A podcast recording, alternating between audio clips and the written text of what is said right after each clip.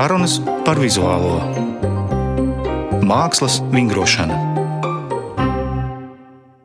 Sveicināti!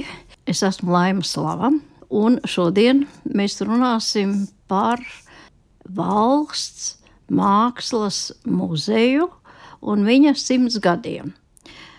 Man patiešām liels prieks eh, sarunāties ar Latvijas Nacionālā mākslas muzeja direktoru Māru Lāci, jo man ir tāds eh, diezgan dīvains jautājums. Jūs nu pat atverat izstādi, kas saucas Valsts mākslas muzejam simts. Nu, es domāju, ka varbūt es neesmu arī vienīgā, kas tā mazliet samulst, jo saka, ak, Dievs, mums taču muzejs jau pat kā ēka stāv jau kopš 905. gada. Un kāpēc mēs runājam tā? Jā, Laima, tavs jautājums noteikti ir vietā, jo mums pašiem, un īpaši man, arī visu laiku radās zemapziņas doma par to, kāpēc mēs taisam šo izstādi, ja mēs varam svinēt ļoti daudz jubilejas, un tās ir daudz nopietnākas nekā šī simtgada. Jo, ja mēs tagad paskatīsimies vēsturē, tad mums Rīgā ir ļoti nozīmīgs gadskaitlis, ir 1773. gads. Tas ir gads, kad Rīgas rāte nolēma uz Nikolaus Himzeļa novēlētās kolekcijas bāzes veidot muzeju. Tas ir pirmais publiskais muzejs vispār Baltijā, kas Jā. tiek izveidots. Mēs varam teikt, ka mūsu sākumi ir meklējami arī šajā muzeja kolekcijā, jo tur bez um, dažādiem dabas brīnumiem bija arī mākslas darbi.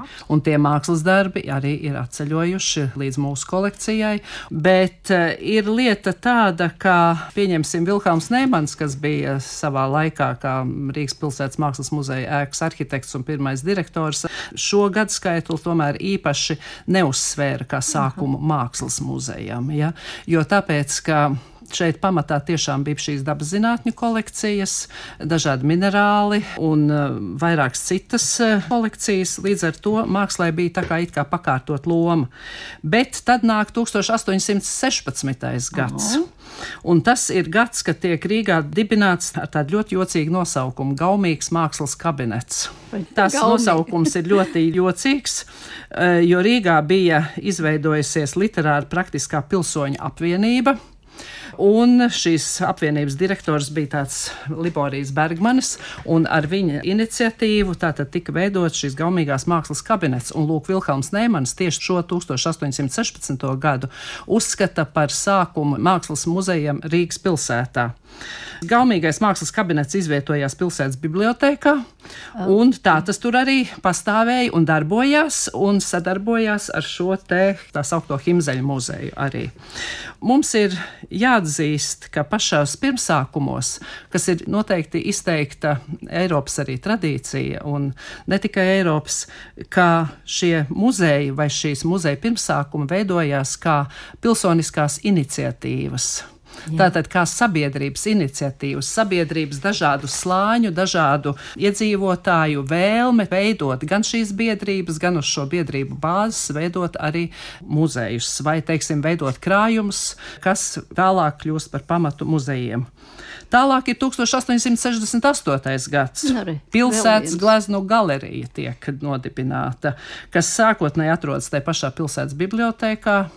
Pēc tam ir pilsētas reāla ģimnāzijas, tas ir pirmās vidusskolas eh, Jā. ģimnāzijas ēkā. Pēc tam ir Kerkovijus namā, kas, kur atrodas šobrīd Universitātes eh, zinātniskā bibliotēka. Un 1905. gadā tiek uzcelts Rīgas pilsētas mākslas muzeja ēka. Es šeit nosaucu tikai šos četrus gadu skaitļus, kad mēs runājam jau par Latvijas Nacionālo mākslas muzeju. Bet kāpēc šī simtgada valsts mākslas muzejams? Ir viena lieta, kā jau es atzīmēju, to, ka ir šīs pilsoniskās iniciatīvas. Bet ir 1920. gads, ir izveidota jaunā Latvijas neatkarīgā valsts, Jā. un uh, valsts veido savas institūcijas, kas kļūst kā savu veidu kā simboli šai valstī un piederīgi. Tās ir augstskolas, protams, kas vien aiz otras tiek dibinātas un veidotas. Un tās ir arī šīs kultūras institūcijas. Un tas ir valsts vēsturiskais muzejs, kas tiek izvietots Rīgas pilī, un tas ir arī Latvijas valsts mākslas muzejs. Bet, Māra, kāpēc, piemēram, jaunā valsts vienkārši neizdarīja tā, ka atņēma pilsētai muzeju, nosauca to par valsts Nē. muzeju? Kāpēc jaunā valsts to nevarēja izdarīt? Tāpēc, ka jaunā valsts ir, ir nacionāls, kā saka, teiksim, nozīmes, valstiskas nozīmes, bet mākslas muzejs bija Rīgas pilsētas muzejs. Tas bija municipālais muzejs ar rīdziniekiem piederošu mākslas kolekciju. Ah. Un mēs ļoti labi saprotam to, ka tajā laikā, kā tas gan atšķirībā no tālāk vairākiem padomju gadiem, kas kādā brīdī sekoja, bija šī interese un šī nepieciešamība saglabāt šīs īpašuma tiesības. Un, protams, un tad veidojās sava veida drusku kuriozā situācija, ka Rīgas pilsētā pastāv divi mākslas muzeji. Un jāsaka, kā ir, ka šie muzeji praktiski pēc savas būtības un pēc sava uzstādījuma un savas programmas bija stipri līdzīgi. Tomēr, nu, protams, Rīgas pilsētas mākslas muzejs atradās ārkārtīgi skaistā ēkā, ļoti reprezentatīvā ēkā, ēkā, kur notika visas lielās eh, starptautiskās un ārzemju mākslas izstādes. Savukārt Latvijas valsts mākslas muzejs atradās Rīgas pilī, ļoti iespiests, ļoti šaurās telpās. Izstāžu telpa tikpat kā nebija šim muzejam. Un, jā, varētu teikt, ka starp viņiem pastāvēja it kā zinām konkurence, konkurence tieši Nacionālās mākslas kolekcijas veidošanā, jo Vilhelms Purvīts, kurš kļuva par Rīgas pilsētas mākslas muzeja direktoru, un Burkhards Dzenis, kurš kļuva par valsts mākslas muzeja direktoru, viņiem abiem bija viens mērķis - izveidot spēcīgu nacionālās mākslas darbu kolekciju. Bet ar ko un, viņi tomēr atšķīrās? No nu, ar kaut ko taču viņu darbība iespaidoja tomēr kaut kādi gan ārēji apstākļi, gan spējas, gan, teiksim, domāšanas veids katram no viņiem. Jo tajā laikā jau mēs labi zinām, ka nāca taču jauna paudze ar milzīgām jaunām ambīcijām, un tad ir interesanti, kuri tad to labāk saprata. Jā, bet eh, redz, te tagad būtu tomēr jāskatās uz to, ko katra no šīm institūcijām varēja izdarīt. Kā jau es eh, teicu, jau iepriekš telpa jautājums. Jā. Līdz ar to protams, eh, Rīgas pilsētas mākslas muzejām bija šī ļoti labvēlīgā situācija, jo ļoti daudzas visas aktuālās izstādes notika tieši Rīgas pilsētas mākslas muzeja telpās Valdemāra ielā. Un savukārt Rīgas pilī pamatā bija šī pastāvīgā ekspozīcija ar atsevišķiem izņēmumiem, kad noņemot kaut ko no ekspozīcijas, varēja veidot arī izstādes. Tālāk eh, abi muzeji iepirka mākslas darbus. Jā. Rīgas pilsētas mākslas muzejs iepirka par pilsētas līdzekļiem, un otrs muzejs iepirka par valsts līdzekļiem. Kam Viņš naudas bija vairāk? Eh, naudas vairāk bija valstī. Tomēr bija valstī vairāk naudas, jo, pieņemsim, ja mēs tagad atceramies šādu situāciju, tad 1920. gadā Rīgas pilsētas mākslas muzejā notika skandalozā Rīgas mākslinieku grupas pirmā Jā. darbu izstāde, kas izraisīja diezgan lielu šūmēšanos un diezgan lielu mm, nemieru, ja tā varētu teikt, eh, mākslas vidē. Es varbūt uzreiz gribētu arī pateikt, ka muzejs taču rīko arī izstādi Nākamajā gadā gan tā tikai būs, kas ir veltīta šim notikumam. Jā, ja? tieši tā Rīgas mākslinieku grupai simts būs nākamajā gadā izstāde apskatāma. Un šī izstāde tiks sarīkota, un no šīs izstādes darbus savai kolekcijai nopirka abi muzeji. Gan Rīgas pilsētas mākslas muzejs nopirka astoņus darbus Vilhelma Purvieša vadībā, un savukārt um, Valsts mākslas muzejs nopirka 16 darbus. O, Līdz ar to uh, izpelnoties diezgan, nu, teiksim, tādas konservatīvāko aprindu, nu, diezgan lielu nelabvēlību tieši ar šo te iepirkumu. Tā kā es gribētu teikt, ka tomēr vairāk vai mazāk šie muzeji darbojās līdzīgi, bet ir tas, ka tur, kur iestājās valstiskie jautājumi, kur sāk risināt tos, tur, protams, um, nu, teiksim, savu veidu priekšrocības bija arī šim valsts mākslas muzejam, jo pieņemsim, tad, kad gāja runa par šīs brīnišķīgās beļģu kolekcijas, mākslas kolekcijas dāvinājumu, tad, protams, ka šo dāvinājumu saņēma valsts mākslas muzejs, tas, kas atradās Rīgas pilī. Bet kā iniciatīva bija teiksim, tās uh, latviešu mākslas izstādes ārzemēs? Tā tomēr iniciatīva bija izglītības ministrijai. Tā bija valstiskā lieta, ja. un jā, nu, lielāko tiesu šo izstāžu, teiksim, tāds ģenerāla komisārs bija Vilkams Purvīts. kādā virzienā vairāk eh, tomēr strādāja gan šis pilsētas muzejs un valsts mākslas muzejs, vairāk domājot par iepirkumiem vai par apmeklētību, kas bija. Pavisam noteikti apmeklētība tika izcelta tādā redzamā vietā. Iepirkumi, protams, pats sākums, ja mēs skatāmies arhīvu dokumentus, tad mēs redzam, ka, protams, šī kolekcijas veidošana ir ārkārtīgi svarīga.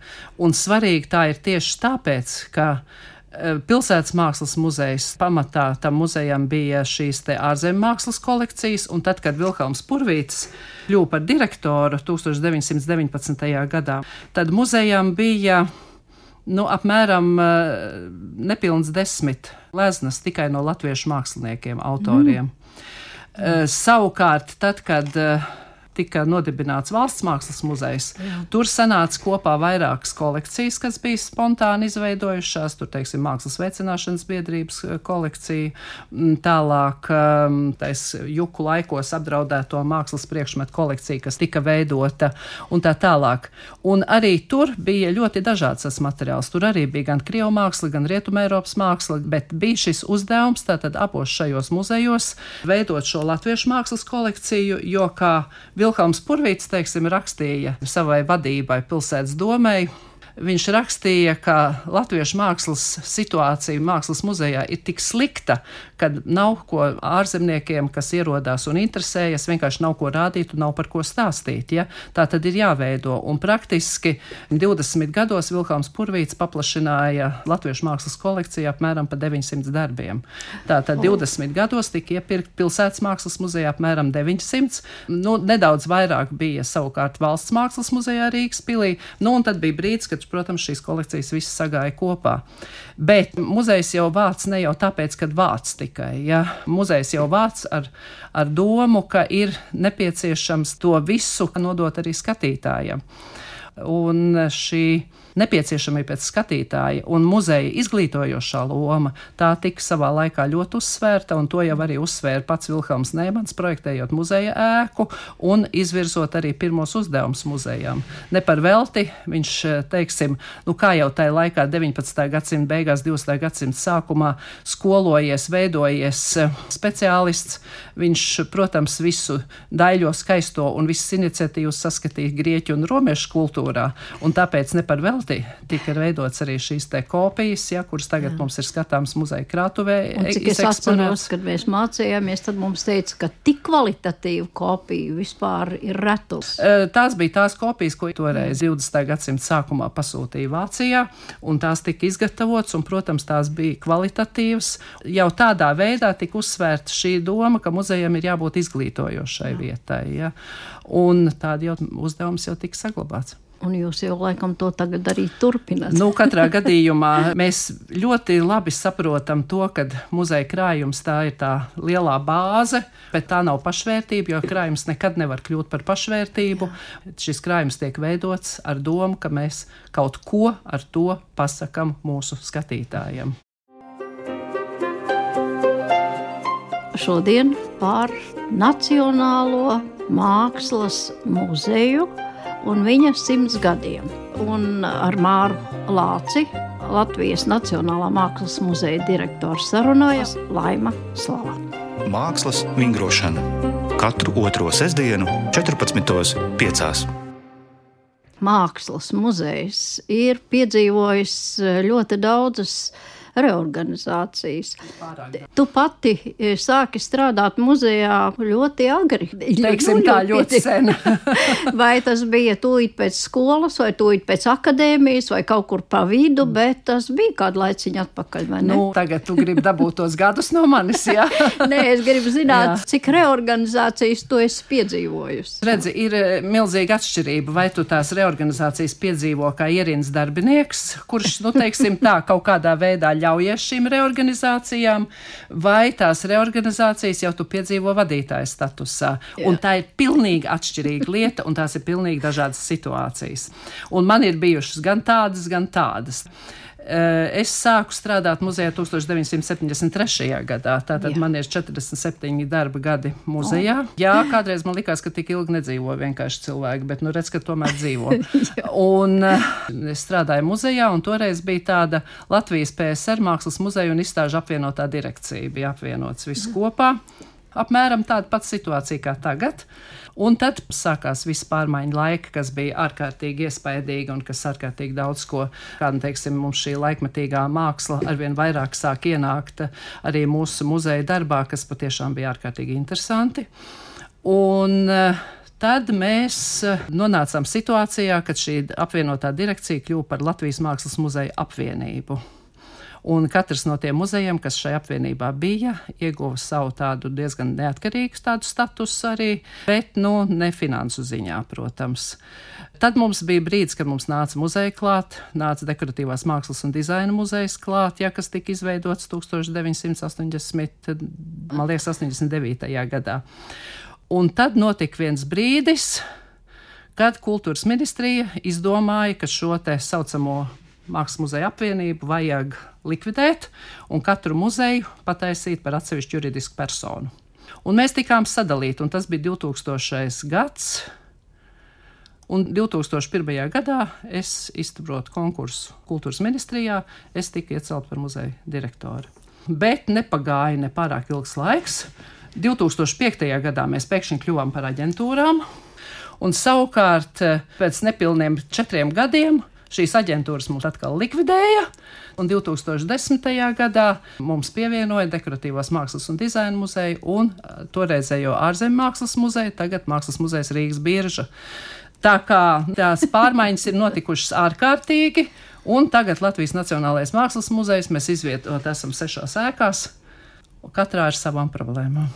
Jā, es saprotu, kā ar ēkām vispār jūs esat nodarbojušies pēdējā laikā ļoti intensīvi. Bet, Ēka jau nav galvenais. Jā, bet bez ēkas arī ir. Jā, grūti. bet bez tās vietas, kur notika tai darbībai, arī nevar. Tas ir jā, tiesa. Jā, bet uh, interesanti ir tas, kādas ir veidojušās visas laika gaitā. Muzeja attiecības vispirms ar māksliniekiem. Jo Aha. patiesībā mākslinieks jau ļoti vērtē to, ko nozīmē būt attiecībās ar muzeju. Un tur taču tev ir bijuši gan jautri brīži, tādi. Jā, attiecības ar māksliniekiem, muzejiem tā ir vienmēr bijusi diezgan sarežģīta un tāda nu, komplicēta tēma, teiksim tā. Un komplicēta tai ziņā, ka savā laikā muzeja direktori bija mākslinieki. Oh, Nu, jā. bet kaut vai ja mēs tagad paskatāmies, Vilkams Purvīts, Burkhards Dzenis, Telnieks. Tālāk, pēckara periodā, tur bija vesela virkne. Es sāku pieņemsim, strādāt tāda gleznotāja Konstantīna Andrēja vadībā, ja, Jā. kas bija gleznotājs no Krievtautības māksliniekiem muzejā. Var varbūt teikt, ka tas ir labi, ka mākslinieks ir, ir muzeja vadītājs. Bet jaunā pieredze un jaunie uzstādījumi muzeja darbā arvien vairāk pierādās, ka tomēr tas varbūt nav tas labākais. Mākslinieki ir ļoti emocionāli. Nu, tādiem viņiem ir jābūt, viņiem ir jāstrādā ar savu darbu. Ja?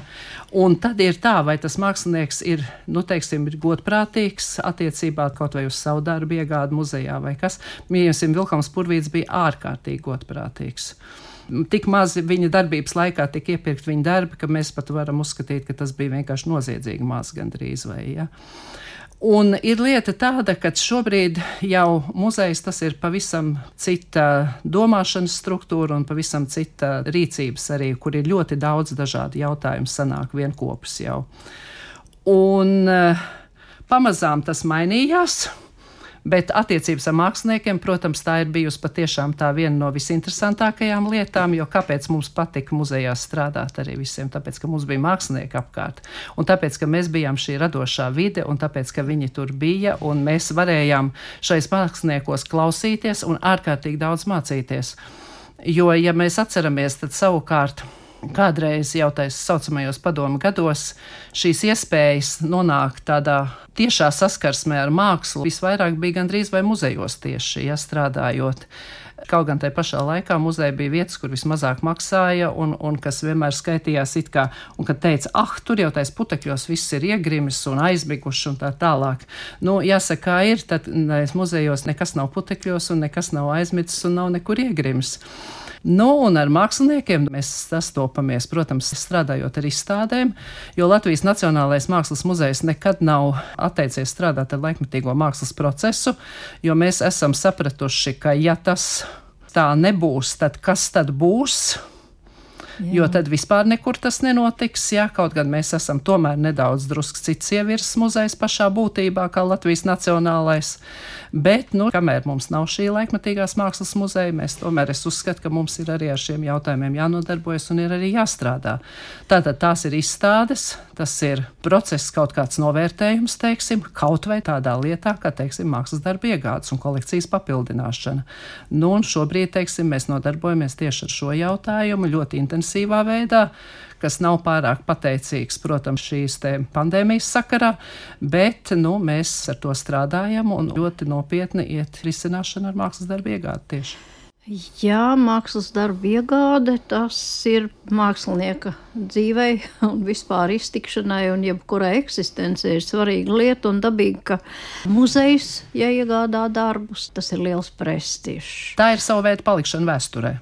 Absolūti, absolūti. Mm -hmm. Jo kur tad vēl, mm -hmm. ja ne muzejā? Un eh, es atceros, tajā padomu laikā jau nebija vispār citas iespējas. Un tad es saprotu, tās attiecības ar mākslinieku bija ļoti ciešas. Šodien eh, tās izstādes, kas var notikt muzejā, viņu man liekas arī ir mazāk. Kā tas iznāk pa um. gadu? Pavisam noteikti mazāk, jo izstāžu sagatavošana prasa ar vien lielākus Jā. Eh, finanšu līdzekļus, ar vien lielāku ieguldījumu un eh, ļoti neracionāli izstādi taisīt uz, eh, nu, teiksim, vienu mēnesi, ja, kur praktiski gandrīz izstādes uzlikšanas laiks ir tikpat garš, cik izstādes eh, norises laiks. Līdz ar to izstāžu laiki tiek pagarināti. Tā ir arī mūsu sabiedrības publikas vēlme, lai būtu izstādes ilgāku laiku. Līdz ar to Kāds ir secinājums? Izstādes notikt muzejā var mazākam mākslinieku skaitam. Vai arī, jo muzejs jau strādā arī ar lielajiem, nu tādiem lieliem konceptuāliem projektiem, vai kas ir veltīti vai kaut kādam mākslas klasiķim. Ja mēs atceramies, mums bija liela izstāde, kas bija veltīta māksliniekam Rihardam Zariņam, kā šobrīd dekoratīvās mākslas un dizaina muzejā savukārt ir skatāma vienkārši lieliska izstāde Julijam Maderniekam 150 gadu. Protams, ka mēs šādi izstādi izstādi nevaram turēt vienu mēnesi. Protams, un tas ir mhm. pats par sevi saprotams, jo nekur pasaulē lielie muzeji Jā. izstādes nerīko uz vienu mēnesi. Līdz ar to mēs pamazām Jā. aizējām uz to, ka lielā izstāžu zāle tās ir četras izstādes gadā. Bet jums tagad iznāk tā patiesībā uzņemties uh, arī nu, to visu, visu, visu, visu šo lomu. Tas uh, laikmatīgās mākslas muzeja jautājums tiek risināts jau nezinu cik ilgi, un nekādi viņš netiek atrisināts. Es saprotu, ka tas tagad uz tiem jūsu pleciem arī ir tieši tāpat, bet uh, man tāda ķecerīga doma ienāca prātā runājot. Kādreiz bija Latvijai kur maz nebija tik bagāta valsts, bija tomēr divi muzeji. Bija pilsētas muzejs un bija valsts mākslas muzejs. Kāpēc pilsēta nevarētu uzņemties arī sava muzeja uzturēšanu? Pirmām kārtām telpu sagādīja un būt lūk, šī te paralēlā vide. Jo tikai paļauties uz to, ka varbūt kāds nu, privāti vai, vai pusprivāti veidos šīs te mākslas telpas, man liekas, ka ir no valsts puses tas nav nu, īsti. Mēs jau apdomīgi. redzam vienu manā skatījumā lielisku mākslas telpu, kas ir uz uzējumu, kas ir izveidojusies, jā, jā protams, un tā ir, tā ir šī privātā telpa, ja. Tas ir ārkārtīgi labi, ka ir pagājuši, nu tātad 30 gadi pēc neatkarības atjaunošanas, ja, kad mēs esam varējuši tikt līdz šādai privātai arī kultūras institūcijai. Jā, mums ar kaut kā, man liekas, ar to kultūras infrastruktūru mums kaut kā tā diezgan Jā. švaki iet. Ja. Bet eh, es domāju, pavisam noteikti pilsētai vajadzētu kādu muzeju, lielāku muzeju par Čaka muzeju vai Rīgas porcelāna muzeju. Bet manā skatījumā ir viens muzejs, kas noteikti būtu Rīgas pilsētas muzejs, tas ir Rīgas vēstures un kuģniecības muzejs. Lai no kurš, bet nu, tas muzejs ir pilnīgi piederīgs pēc visa satura un pēc uzstādījuma, pēc visas būtības. Ja? Līdz nu, jā, ar to es gribētu teikt tieši par muzeju jomu, ja valstī ir diezgan liels sloks. Tāpēc eh, man liekas, ka tomēr par to ir jārunā. Jo, manuprāt, Mēs redziet, mēs, jā, ne tikai par uh, šo te laikmetīgās mākslas muzeju, jo tiešām muzeums kaut kādā veidā varbūt aizpildīs, nekādā gadījumā nepilnu, Mhm. bet mazliet šo lomu. Arī mēs jau neaizpildām pilnībā. Jūs nevarat. Ja? Mēs arī nevaram, jo nevarat. tāpēc, ka mums ir viss šī Latvijas mākslas saina, tie 200 gadi, ja nu mums kaut kādā veidā, mēs it kā mēģinām izdarīt ļoti daudz ko, gan to, gan to, gan to. Reizēm ir tāda sajūta, ka mēs pat varbūt kaut ko zaudējam šādā veidā mētājoties. Bet, nu, tāda šī situācija ir. Bet es patiesībā gribēju atgādināt arī to, ka neapskatīta ir uh, 20. gadsimta otrās puses māksla. Pavisam noteikti. Un ka tā ir kolekcija, kura varētu savākties no vairākām vidēm, un kurai vismaz pilsēta varētu iedot telpas, ja? un tad uzskatīt, ka tas ir viņas devums. Ja? Jā, jo, šī kolekcija drīz būs vēl interesantāka nekā viņa ir līdz Nē, nu, šim. katrā gadījumā laiks iet, un nu, jau ir pagājuši jau arī nosacīt 50 gadi, kas ir tomēr ļoti tāds um, izmērāms laiks. Skaitās, ka ja 50 gadus kaut kas nav pazudis, tad tas ir vērā ņemams. Ja? Bet uh, viena lieta gan ir telpiedošana, otra lieta ir uh, uzturēšana. Bet tie visi ir tādi kompleksi jautājumi, un katrā gadījumā tie ir risināmi jautājumi, bet es pavisam noteikti domāju, ka Rīgā Tāpat kā mēs tagad runājam par eh, koncertzāles būvniecību, tā pavisam noteikti ir jārunā arī par laikmetīgās mākslas muzeju. Jā. Noteikti. Pilnīgi noteikti. Mākslas vingrošana. Ir tomēr lietas, kas vienmēr nāk kā muzeja iniciatīva.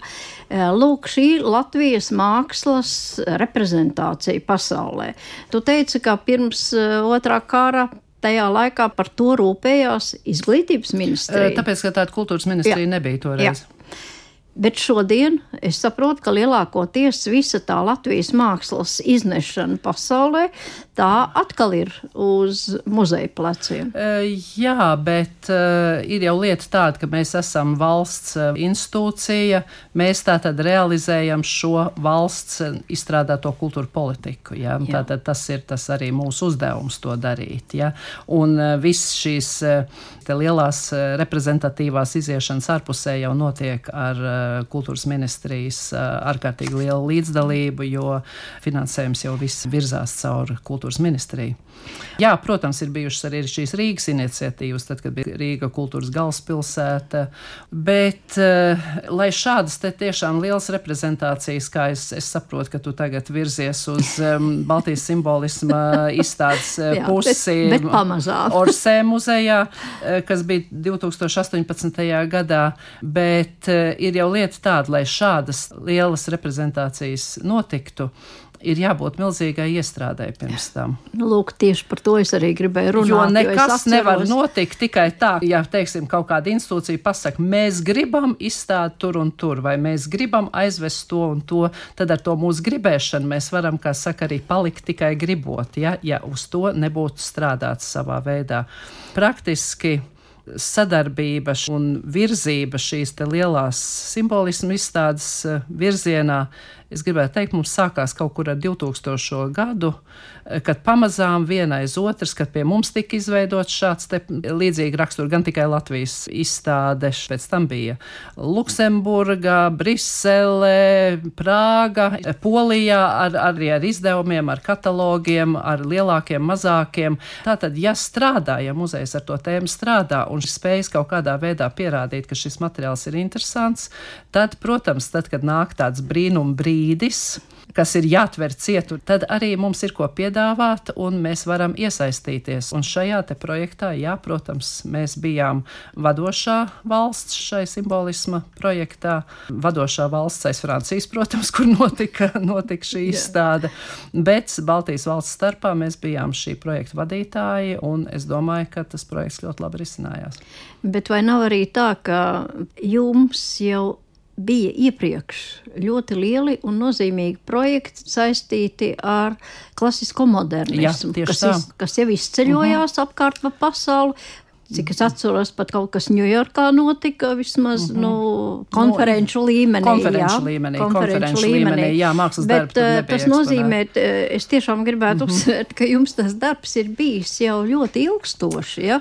un tas Latvijas muzeja, Nacionālā mākslas muzeja vārds, apliecinot to spēju, ka viņš tiek galā lūk šādiem lieliem projektiem, tas noteikti arī kaut kādā mērā ietekmēja. Es domāju, ka tas ietekmēja, jo tiešām mēs sākām savā laikā, kad Latvija atguva savu neatkarību. Mums sākās, kā jau tu pareizi minēji, ar šiem klasiskā modernisma projektiem. Tā bija Berlīna, tā bija Kopenhāgena, tā bija uh, Stokholma, kur bija patiešām lielisks, ap citus arī kopdarbs ar Igauniju savukārt atkal kopā. Nu, šis materiāls viss kļuva ar vien, teiksim, pievilcīgāks, interesantāks līdz tam vienam brīdim, kad par to tā kā mazāk sāka interesēties. Tad, starp citu, nāca šis te 19. 19. gadsimta beigas, 20. gadsimta sākuma periods, atkal šis jugendstila un simbolisma laiks. Jā, nu, kas notiek Eiropā? Eiropā vispār šobrīd arvien vairāk sāks nu, arī mākslas vēstures pārrakstīšana. Jā, tas ir svarīgi. Pavisam noteikti. Un Austrum Eiropas valstīm savā veidā ir savs vārds jau kļūst arvien vairāk sakāms. Ja? Jā. Un es domāju, ka tas arvien vairāk parādīsies un būs arvien interesantāk pētījumi. Un mēs esam bijuši vienmēr atvērti arī pret ārzemju pētniekiem, kas ir ļoti lielā skaitā pie mums ir braukuši un skatījušies ne tikai mūsu vienīgo, kā mēs smējāmies kādreiz eksporta preci Gustavu Kluča daļradi, ja, bet ir spētījuši arī jau tiešām jau Latvijas mākslas arī mantojumu un arvien vairāk jau sāk skatīties arī uz 20. gadsimtu otro pusi. Kaut Lūk. gan tur jau laikam vēl, tomēr tam laikam vēl druski ir jāpaiet. Laik. Bet laikam tev taisnība, ja tiek nokavēts tas brīdis, kad tiek mm -hmm. Pārrakstīta mākslas vēsture, tad gaidīt nākamo reizi jā. ir, mm. ir diezgan grūti. Jā, ir tikai, jās, tikai mums ir jāskatās, kas to mākslas vēsturi pārraksta. Nu, kā mēs zinām, vēsturi raksta kas vēsturnieki. Jā. nu, viņiem jādod jā. materiāls. nu, jā, mēs dodam materiālus. Tu lomā. pati vari pateikt tagad tiešām uz to nākamo, ko varētu piedāvāt plašajai pasaulē atkal. Es, es pavisam noteikti domāju, ka tā tomēr ir 20. gadsimta otrā puse, tieši 60. un 70. gadi manā skatījumā. Jā. Un varbūt, ka tiešām tad atkal tas nu, tas saucamais pārējais, varbūt periods, 90. tomēr ja? 90. gadi, kad es tās pati saku, kad mums bija tā drusku dusmīgā un tā niknā māksla, ja vairāk no, tāda, ja 80. gadu jā, otrā puse jā. un 90. gadu pats sākums pats sākums, pēc tam mm -hmm. varbūt atkal vairāk nē. Bet eh, šobrīd ir viena cita tomēr arī lieta, kas ir manā skatījumā ļoti interesanta. Mums ļoti daudz jauno topošo mākslinieku mācās eh, ārvalstīs. Un viņu iesaiste vai viņu dalība šejienes mākslas procesos. Man liekas, ka tā kļūs arvien interesantāka, un te ir jautājums, vai būs vai nebūs šī dalība. Un otrkārt, viņi savā veidā arī citur liek runāt par Latviju. Jā. Nu, tā ir nākotne, tā ir nākotne. Bet, eh, nu, tad varbūt kā pēdējo, tad tomēr atgriezīsimies pie tā, ko tad mēs redzēsim Rīgā. Kas būs tagad šis izstāde, nākamais lielais notikums, jo tas tiešām būs liels notikums. Šī izstāde simbolisms Baltijas valstu mākslā tātad ir veikusi savu ceļojumu Parīze, 18. gads, pēc tam 19. gads Tallina, pēc tam 20. gads Viļņa, kur izdevās starp pirmo covid vilni un otro covid vilni izveidot izstādi. Jāsaka, ir lietuviešiem paveicās. Es nezinu, kā būs mums, jo mēs šobrīd, 20.